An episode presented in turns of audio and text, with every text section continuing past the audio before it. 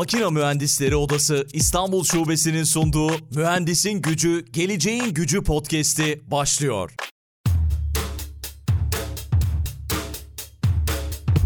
Mühendisin Gücü, Geleceğin Gücü podcast'inin yeni bölümünden herkese merhaba. Üçüncü sezona devam ediyoruz. Dünyadan ve Türkiye'den başarılı mühendislerimizi konuk etmeye devam ediyoruz. Bu kez Almanya'dayız. Doktor Yavuz Can şu anda karşımda. Kendisi bir akademisyen ve birçok farklı çalışmaları, deneyimleri var. Birçok başarılı projelere imza attı. Hocam merhaba, selamlar, hoş geldiniz. E, merhabalar Aykut Bey. Hoş bulduk. Bu bölümde konuğumuz olduğunuz için çok çok teşekkür ediyorum. Bölümün başında teşekkür ediyorum tüm konuklarımıza. Çok sağ olun. Çok değerli işlere imza atıyorsunuz. Teşekkür ederim. Ben size teşekkür ediyorum. Davet ettiğiniz için böyle bir değerli podcast'a katılıp önemli konuları konuşmama buna izin verdiğiniz için ben teşekkür ediyorum size. Rica ediyorum. Siz Almanya'da neler yaptığınızı birazdan soracağım, anlatacağım ama Türkiye'de de Haliç Üniversitesi'nde akademisyen olduğunuzu biliyorum. Uzaktan dersleri gerçekleştiriyorsunuz. Onun dışında da tabii ki her zaman Türkiye ile bağlantılar var. Yine Türkiye'ye de katkı sağlamaya devam ediyorsunuz. Peki tamam. isterseniz biraz hikayenizden bahsedelim. Sizin ağzınızdan dinlemek isteriz. Sonra da konumuza gireriz diye düşünüyorum. Hikayem evet. Nereden başlayayım? Ben Erlangen doğumluyum. Erlangen e, Almanya'nın Bavyera eyaletinde güzel bir e, üniversite şehri. Siemens'in olduğu büyük bir şehirdir. 79, 1979 doğumluyum. Üçüncü nesil biz Almanya'da yaşıyoruz. Yani dedem, babamın babası 1965 senesinde Erlangen'e zamanında işçi olarak gelmiş. Öbür dedem de annemin babası 66'da 1966'da Hamburg'a gelmiş işte. Ardından da ailelerini buraya getirmişler. Yani annem babam da buraya geldiğinde çocuktular. Sonra burada tanışıp evlenip işte 79 senesinde ben ilk çocuklara, ilk oğulları olarak dünyaya geldim. Üniversite hayatım Erlangen'de geçti. Nürnberg'de okudum üniversitede. Sonra Erlangen'de en son okudum üniversite. Mekatronik bölümünü bitirdim. Diplomamı aldıktan sonra 2010 senesinde diplomamı almıştım mekatronik bölümünde. 2012 senesinde üniversiteye geri dönüp doktorama başladım. 2012-2016 senesinde doktorumu bitirdim. Hani kısa bir zamanda sayılır. 4 sene içinde bitirdim. O arada bir büyük bir projede çalışmıştım üniversitede. 16 senesinde doktorumu aldım. Güzel bir notla. O zamandan beri işte büyük şirketlerde tecrübe kazandıktan sonra kendi küçük şirketimi kurdum. Ayrıca de işte boş vakitlerimde dönem dönem üniversitelerde bundan bir tanesi Haliç Üniversitesi İstanbul'da ders veriyorum. Onlar hariç işte Almanya'da iki tane ayrı özel üniversitelerde de ders veriyorum. Danışmanlık da ee, yapıyorsunuz galiba aynı zamanda. Evet danışmanlık yapıyorum. Evet. Kendi küçük şirketimde danışmanlık yapıyorum. Genelde data science, process optimiyorum. Optimizing of process İngilizcesini söyleyeyim. Bir kız babasıyım. Bir ufak dipnot 4 senede bitirdim dediniz üniversiteyi. Kısa bir Hatta sürede bitirdim dediniz. Doktorayı evet. Evet doktorayı evet. düzeltiyorum. Burada tabii biraz daha farklı mühendislik çok zor hatta e, birçok konuğumuzdan evet, da dinledik ve şöyle bir örnek vermişlerdi bilmiyorum katılıyor musunuz? İşte ilk birinci sınıfta mühendislik fakültesinde işte amfide atıyorum 250 kişiyle başlarız ama dördüncü senenin sonunda 50 kişi en fazla kalır ve mezun olur gibi bir örnek vermişti bilmiyorum katılıyor musunuz buna? Doğrudur doğrudur. Mühendislik bölümü Almanya'da nasıl yani doktor hani tıp okuyan arkadaşlarım da var benim. Onların bölümü kadar hatta daha zor olduğunu söylüyorlar. Öyledir diye hani ben de tasdikleyebilirim. Hı hı. Evet, ben çok... benim şaşırdığım bir durum olmuştu bu. Yani o yüzden de Almanya mühendislikte neden ön planda belki düşünebiliriz. Neden böyle diye bu en büyük örneklerinden biri diye düşünüyorum. Peki evet. hocam bu bölümde biz gömülü sistemleri konuşacağız. Gömülü sistemler ve mühendislikte uygulama alanları diye bir başlık seçtik. Bizi tabii ki genç mühendisler dinliyor, genç mühendis adayları dinliyor ve sektörden birçok kişi dinliyor. Böyle evet hepsinin kafasında bir perspektif oluşturmak adına böyle bir bölüm yapalım dedik. Gömülü sistemlerin tanımıyla başlayalım istiyorsanız. Mühendislik alanında nasıl bir rol oynuyor? Belki bununla başlayabiliriz. Tabii ki. Şimdi ilk başta gömülü sistemin ne olduğunu az çok açıklamaya çalışayım. Gömülü sistem ya da İngilizcesi embedded systems. Bunu da sık sık duymuşsunuzdur. Evet. Kendine kapalı bir sistem, teknik bir sistem, kendine kapalı bir sistem. Nelerden oluştuğunu daha ileride anlatacağım. Büyük bir sistemin içinde oluşan kendine kapalı küçük bir sistem diye basitçe kolay bir cümleyle açılış yapayım. Bu küçük sistemin özelliklerinden daha fazla görevi nedir? O büyük sistemin kontrol etmek ya da içindeki verileri analiz etmek ya da içine içinde olan zinyanları analiz etmek. Bu analizden doğan sonuçlara göre aktörleri hani misal motor olabilir. Bunları ona göre uygulamak, çalıştırmaktır diye söyleyebiliriz. Embedded Systems ya da gömülü sistem Türkçesi bu küçük içinde bu küçük sistemleri barındırıyor. Birincisi senzorlar. Yani senzorlarla sinyalleri alır. Ayrıca analog digital konverter yani analog signal alıp dijital değere çeviren onun ardından microprosesör yani küçük bir bilgisayar bu dijital sonunda dijital değeri alıp analize eden işte proses prosesler vardır içinde. O proseslerde yazılım barındırıyor içinde. Embedded software diye adlandırıyor. O yazılımdan çıkan sonuç da dijital analog konverter yani sonuçlar dijital değerli sonuçlar olduğu için analog değere çevriliyor. Evet. O analog değerler de aktörleri sonunda olan aktörler misal bir motor olabilir ya da bir gösterge olabilir. Elektrikli gösterge ya da ona benzer çeşitli elektronik parçacıklar olabilir. Onu çalıştırıyor. Ona sinyal veriyor analog signal. İşte ne yapmasını söylüyor. Bu analog aldığı sinyal de aktörlerden gelen sonuçta o büyük sistemi yönlendiriyor. Bir misal vereyim size. Büyük sistem araba düşünelim. Modern araba. Mesela bizim TOG'u e, Bursa'da üretilen, Gebze'de üretilen TOG'u düşünelim. E, bu arabayla gidiyorsunuz. Giderken frene basıyorsunuz. Yani durmak istiyorsunuz. Bu frene Evet. bastığınız zaman o frenden bir sinyal sinyal geliyor. Yani o basınç hani ayağın bastığı bir güç o analog signaldir. Bu embedded sistem arabanın bir tarafında saklıdır gömülü sistem. O sinyali alıyor. Anlattığım gibi sırayla işte onu değerlendiriyor. Ondan sonra o bastığınız fren gücüne göre ne kadar tekerlekleri ya da freni nasıl ne kadar hangi güçte kullanacağını analizden biliyor. En sonunda aktörleri çalıştırıp işte arabanın suratını Azaltıyor. azaltıyor. Derste de kullandığım en basit misal budur. Hı hı. Onun yanında tabii ki çok büyük misaller daha vardır. Peki yani gömülü sistemleri hangi endüstri ve uygulama alanlarında daha yaygın kullanabiliyoruz? Otomotiv dediniz Ee, birincisi bu. Şimdi embedded sistemsiz, hani modern hayat embedded sistemsiz ya da gömülü sistemsiz düşünülemez artık. Hani o o zamandayız, o zaman açısındayız. Hatta ileride, şimdi terimleri az belki karıştırıyormuş olabilirim ama sırasına sokmaya çalışacağım. Internet of Things diye bir zamandayız. İnternet hani Nesnelerin e, interneti. nesnelerin interneti, nesnelerin bağlantıları. Hı hı. Sonuçta akıllı telefon olsun. Her yeni e, üretilen cihaz, misal mutfaktan konuşursak işte bulaşık makinesi, mikrodalga, ondan sonra çamaşır makinesi. Bunlar artık akıllı cihaz diye tanınıyor. Neden akıllı cihaz? Çünkü birbirine bağlantı kurabiliyorsunuz. Cep telefonunuza bağlantı kurabiliyorsunuz. Televizyon olsun ya da modern trafik sistemlerinde işte birbirlerine konuşan arabalar Almanya'da bu mevcuttur. Hani bunun için büyük çalışmalar da yapılıyordur burada. Şimdi ve gelecekte gömülü sistemsiz modern bir hayat düşünemeyiz. Bu nedenle her sektörde gömülü sistem mevcuttur ve mevcut olması lazım her sistemde. Trafik olsun, hani tren, uçak, otobüs, araba zaten e, modern arabalarda. İçin kullanılan büyük cihazlar, tomograflar, röntgen cihazları, böbrekleri, Diyaliz böbrekleri- makinesi. Diyaliz. Diyaliz makinesi, evet diyaliz makinesi e, misal olarak ya da kalp atışlarını kontrol eden cihazlar var. Bunlar embedded systems barındırıyor. Enerji sektöründe, askeri sektöründe kesinlikle Türkiye'de misal İHA'larımız embedded systemsiz düşünülemez. Savunma sanayinde de çok önemli yeri Savunma var. sanayinde, yeni uçaklarda, e, savaş uçaklarında. Günlük hayatta işte beyaz eşya biraz evvel saymıştım. Oyun konsolları, cep telefonları, her yeni modern bilgisayarlar embedded hani gömülü sistem barındırıyor. Gömülü sistemsiz bir modern hayat yok. Önümüzdeki yıllar içerisinde tamamen hayatımızın içerisinde olacak ki zaten olmaya başladı dediğiniz gibi hocam. Olması da gerekiyor diye düşünüyorum. Çok avantajları var.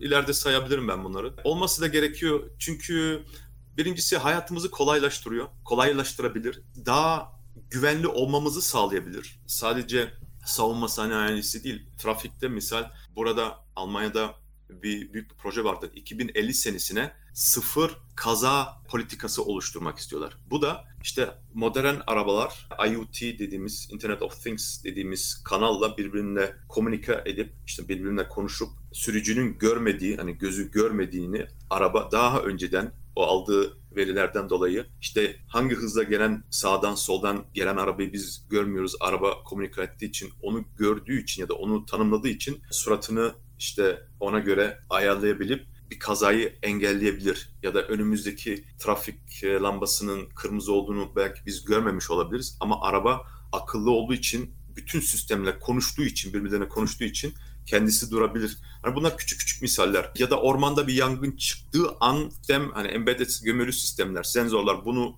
e, algılıyorlar. Daha o evet daha bizden daha önce algılayıp da e, en yakın işte itfaiye ya da en yakın orman ne diyorlar orman müdürlüğüne, korucu, korucuya müdürlüğüne evet. haber verip işte daha büyük bir kriz olmaması için güvenlik sağlayabilir. Bunun içinde çok büyük planlar, projeler de var yurt dışında. Onun için ben şahsen hani bu, bu konuda da ders veriyorum. Çok yararlanabileceğiz bir konudur. Embedded Systems ya da gömülü sistem. Çok önemlidir diye de düşünüyorum. Hı hı. O Berlin'deydi yanılmıyorsam o proje hala devam ediyor pilot proje. Ben de onu takip etmiştim hocam ve bayağı da bir ilerleme kaydedildi. Yani herhalde Berlin'in en işlek caddelerinden bir tanesinde böyle bir test yapılıyor ve Evet. orada işte otonom araçların sensörlerle nasıl kazasız bir şekilde yani insansız bir şekilde ilerleyebileceğini test ediyorlar. Evet. Yani çok fazla tartışma var ama yani zamanla da gelişecektir diye düşünüyorum. Mesela örnek yapay zeka ile ilgili bilmiyorum takip ediyor musunuz? Bu yıl içerisinde inanılmaz şeyler oldu. Mesela geçen sene bu kadar konuşmuyorduk. Belki öyle- GPT onu mu diyorsunuz? işte chat GPT bir yandan işte dille alakalı, sesle alakalı, ses klonlamadan tutun da işte çeviri programlarına kadar inanılmaz gerçekten. Yani ben Evet. mesela Türkçe konuşuyorum. Onu kendi sesimle Almanca olarak çeviren program var veya İngilizce veya Fransızca. Müthiş geliyor artık bana bu gelişmeler açıkçası. Tabii tabii. İşte güzel tarafları var. Aynı zamanda tehlikeli kullanma imkanları da var. Yasa dışı kullanma riskleri de var tabii ki de. Ama daha çok pozitif tarafına bakmamız lazım diye düşünüyorum. Bize avantaj getiren tarafına bakmamız lazım. O işte tabiri caizse kötü yolda kullanılan bölümünü de yasalar, devlet yasalar, yeni yasalar oluşturup da onu bir regüle etmesi gerekiyor diye düşünüyorum. Kesinlikle öyle. Yani biz de zaten hep olumlu taraflarını konuşmaya çalışıyoruz. Mühendislik tarafında hep nasıl fayda sağlanabilir taraflarını konuşmaya çalışıyoruz. Böyle Misal peki verebilir miyim? tabii tabii lütfen. Ee, bu yenilikle ilgili. Geçenlerde bir hikaye duydum da çok hoşuma gitti ve güzel bir misal diye, diye düşünüyorum. Bundan aşağı yukarı 200 sene önce hani benim oturduğum şehir Erlangen. Bundan sonraki büyük şehir aşağı yukarı 15 kilometre Fürth. Ondan sonra da Nürnberg geliyor. Fürth ile Nürnberg arasında aşağı yukarı 200 sene önce bir tren yolu yapıp işte ilk tren Nürnberg'den Fürth'e gitmesini istemişler. O zaman vatandaşlar ayaklanmış demişler olmaz işte bu tren buradan geçecek duman zehir çıkacak o bizi Evet. zehirleyecek hepimiz öleceğiz hasta olacağız hani hep kötü tarafına bakmışlar bu o zamanın yeniliğine ama artık bakıyoruz iki sene sonra iyi ki de zamanında o işte tren yolunu bir de işte tren işletmesine başlamışlar ki buraya kadar nereye kadar ilerlediğimizi görüyoruz. Gömülü sistem de öyledir. Tabii ki her sistemin her sistemin dezavantajı da vardır ama daha çok pozitif tarafına bakıp bir de ilerisine bakıp düşünüp hesabımızı yapıp da karar vermemiz daha uygun, daha doğrudur diye düşünüyorum. Modern arabada en az 200 gömülü sistem barındırır araba. Misal arabayı çalıştıracaksınız. Gömülü sistem üzerine oluyor. Çalıştırdığınız zaman önce bir test oluyor. Pencereyi indireceksiniz. Butona basıyorsunuz. Pencere inecek. İçinde gömülü sistem var. Butona bastığınız zaman işte oradan bir sinyal gidiyor. O sinyali analiz ediyor. Ona göre işte motoru çalıştırıyor. Motor pencere indiriyor. Geçenlerde şey yanılmıyorsam Almanya'da yine haberlere düşmüştü. Audi'nin eski CEO'su olması lazım. Yani biz o kadar çok şeye bağlıyız ki arabayı üretirken tedarikçiye ya da yan sanayiye öyle tabir edeyim. Biz nasıl Tesla ile baş edeceğiz gibi böyle hani bir açıklama yapmıştı. Bilmiyorum takip ettiniz mi? Bunu mu kastetmek istemişti acaba? Yani böyle işte dediniz ya bir arabanın içerisinde 2-3 tane gömülü sistem var. Bunun hepsinin mühendisliğini işte 200-250 Tabii ki. dediniz hatta.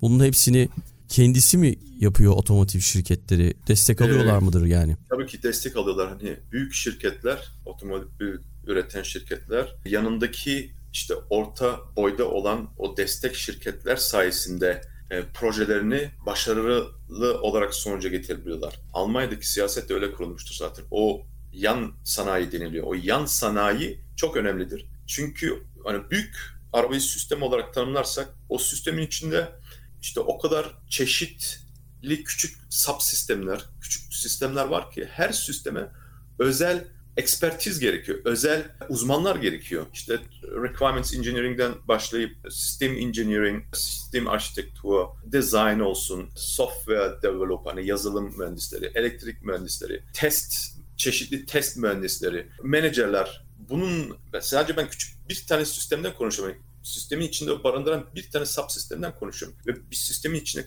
kaç yüzler subsistemler vardır. Evet. Bunun bir şirketin yapması zaman olarak da yetiştiremez. Kalite olarak da yetiştiremez. Çünkü bir de ayrıca hükümet bu konularda yasalar, kurallar da koyup kuralları yasalara göre üretilmesi gerektiği için bu yan sanayiler yerine getiriyor. Kesinlikle zaten belki onu kastetmeye çalıştı.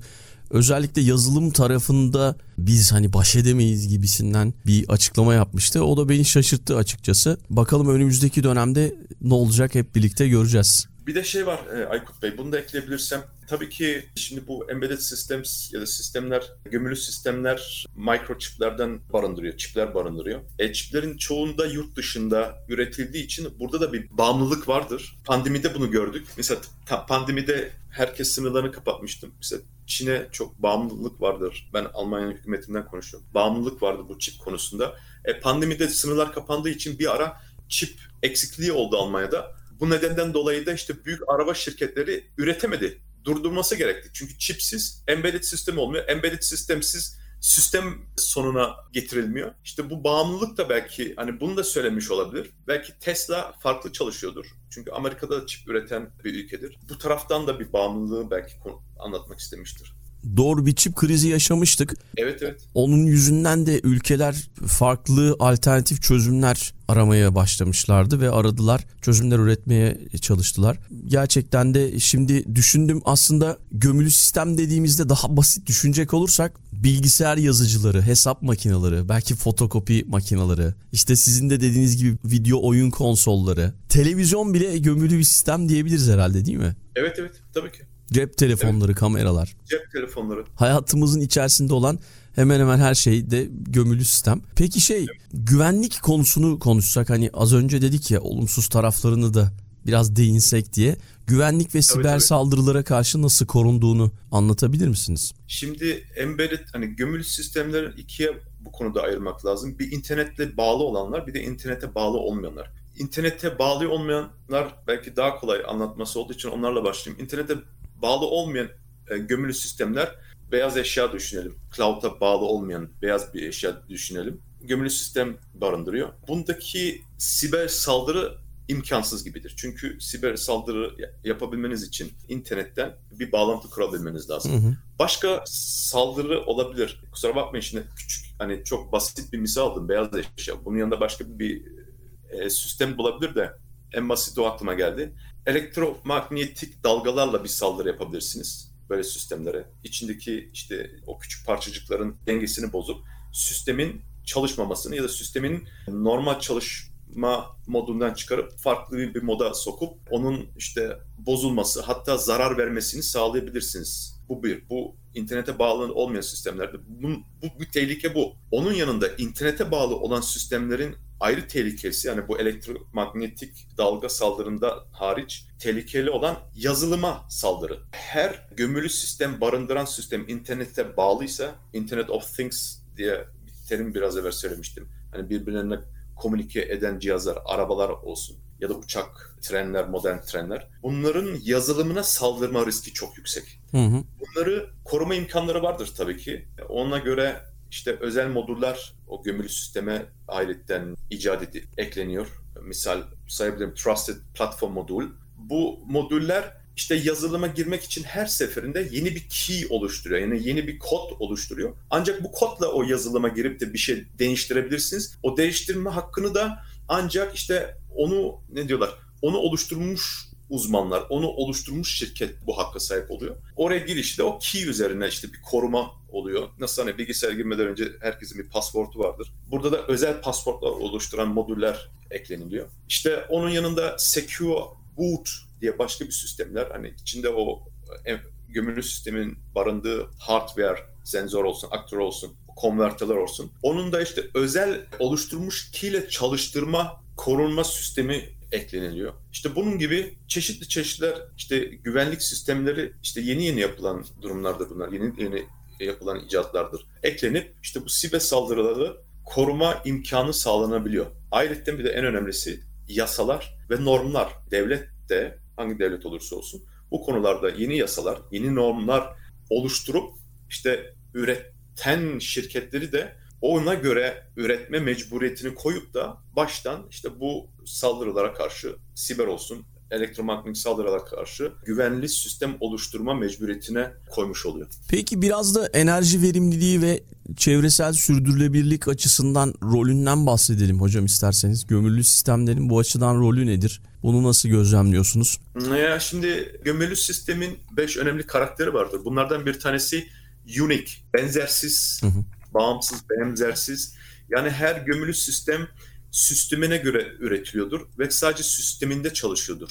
Hani o sistemden çıkarıp misal gömülü sistem uçakta düşünelim. O sadece sistem uçağa göre e, oluşturulmuştur, üretilmiştir ve sadece o sistemin içinde çalışabiliyor. Yani oradan çıkarıp da sistem trene taktığınız zaman bu çalışmaz, olmaz. Avantajı tabii ki sisteme göre bir, bir, bir korunma sağlıyorsunuz. Dezavantajı işte sadece üretildiği sistemde kullanıldığı için enerji verimliliği ya da çevresel sürdürülebilirliği açısından başka sistemlere karşı daha geride kalmış olabiliyor. Ama bu onun karakteridir. Hani o karakteri de yerine getirmezseniz sağlıklı, güvenli bir gömülü sistem oluşturamazsınız. Hani bir yerde işte değerlendirmek lazım. Avantaj, dezavantaj nedir? Bir yerden de tartmak lazım. İşte bu çevresel sürdürülebilirlik konusunda başka sistemlerle karşılaştırırsak az geride kalıyor. Ama onun yanında daha çok avantajı olduğu için bunu böyle kabul etmek lazım tartıp da. Enerji verimliliğine bakarsak tabii ki çok e, büyük verimliliği vardır. Neden? İçinde bulunduğu çip, microchip, microchipler, microprosesörler çok az voltage değerinde genelde 3.3 volt ya da en fazla 5 voltla çalışan bir sistemdir. Ve bu küçük voltaj değeriyle büyük güvenlilik sağlıyor. Birincisi bu. İkincisi tabii ki hangi sistemde nasıl gömülü sistem kullandığınıza bağlı. Misal modern oyuncakta da gömülü sistem vardır. Onun içinde barındığınız çipler daha uygundur. Hem yapımdan kalitesi düşüktür hem fiyattan çok düşüktür. Büyük güvenliği gereken sistemlerde araba olsun, uçak olsun buradaki çipler tabii ki daha high quality oluşturmuş çiplerden oluşan bir gömülü sistemdir. Ona göre de işte burada fiyatlar değişiyor.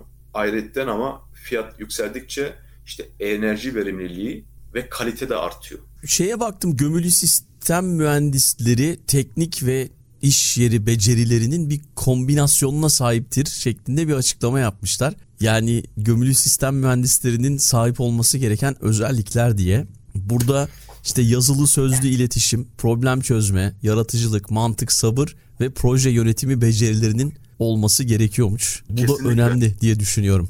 Kesinlikle birkaç tane disiplini içinde barındıran bir bölümdür. Sizin söylediğiniz gibi sadece işte yazılımla bitmiyor. E, bunun hardware'si var. Hardware'da en azında bir overview bilginiz olması lazım. Yazılım overview bilginiz olması lazım. Ayrıca işte bir system engineering ya da system engineer dediğimiz kişiler en uygundur diye düşünüyorum burada. Ayrıca işte requirements engineering, requirements engineering isteklere bağlı üretiyorsunuz, istekleri topluyorsunuz. Bunun özel sistemleri var, e, uygulama e, şartları var. Bunun buna işte bu bilgiye sahip olmanız lazım. Tabii management konusunda, testing konusunda üretildikten sonra test edilmesi lazım. Yani küçük gözükse de bile, gömülü sistem küçük gözükse bile arkasında çok disiplinden oluşturan bir mühendislik ekipmanı ya da mühendislik grubu barındırıyor. Kesinlikle.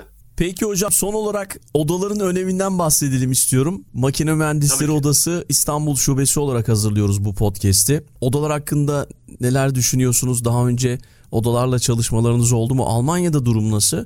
Belki biraz bundan bahsedersiniz. Sonra da veda eder kapatırız. Tabii ki. Sağ olun. Odaların var olmasını ben şahsen çok güzel buluyorum. MMO olsun ya da Bursa'da EMO olsun. E, bunun gibi daha fazlaları var tabii ki. MACFET yeni öğrendim. Güzel oldular bunlar. Sonuçta mühendisleri, uzmanları bir araya getiren, bir çatı altında toparlayan, işte gerekirse ortak bir projede çalışma imkanını sağlayan güzel bir kurumdur. Ben henüz tabii ki projeyle ve odalarla ilgili bir tecrübe kazanmadım. İleride inşallah olur. Ama güzel bir kuruluş, önemli bir kuruluş diye düşünüyorum. Sadece düşünmüyorum, öyledir. Kesin öyle. Yani sivil toplum ee, kuruluşlarının önemi gerçekten özellikle belli meslek grupları için çok daha fazla diye düşünüyorum. Katkısı da çok. Tabii ki. Almanya Tabii ki. tarafında da odalara üye misiniz peki? Değilim, üye değilim ama od- odaları tanırım. Misal VDI vardır. Verein Deutsche Ingenieure yani Alman Mühendislerin Cemiyeti diye kısaltılmış VDI. Senelerden beri vardır bu. Ben öğrenciyken bile hatırlıyorum reklam yapılıyordu işte üniversite bitirdikten sonra buraya katılın diye. İşte cüzbi aidatla katılabiliyorsunuz. Şimdi evet bir yandan ekspertizleri bir araya toparlıyor. İşte yeni projeler oluşturma imkanları oluyor. Aynı zamanda da yeni teknolojide şimdi yeni teknoloji üretildiği zaman yasal buna yasalar da gerekiyor. Her teknolojinin getirdiği gerekçelerden bir tanesi ona göre de yasal oluşturmak. Bu yasal oluş, oluşturmalarda da bu odalar yardımcı oluyor. Bu odaların tecrübesine göre, teknoloji tecrübesine göre yasalarda yardımcı oluyorlar. Nasıl yeni bir yasa getirebiliriz ki o yeni oluşturmuş sistemi de işte sağlıklı hem sisteme sağlıklı hem onu kullanan insana ve etrafına çevresine zarar getirmeden çalışsın diye birbirine yardımcı oluyorlar ya da işte yasaya yardımcı oluyor. O yönden de bakarsak çok önemlidir böyle odalar. Böyle de ileride de işte daha güçlü olup daha çok ekspertizin katılmasına ben çok önem veriyorum. Evet. Peki hocam çok teşekkür ediyoruz bu bölümde konuğumuz olduğunuz için. Değerli bir Ben yayın oldu. Tekrar buluşmak üzere. Sağ olun Aykut Bey. Çok teşekkür ederim. Mühendisin gücü geleceğin gücüdür.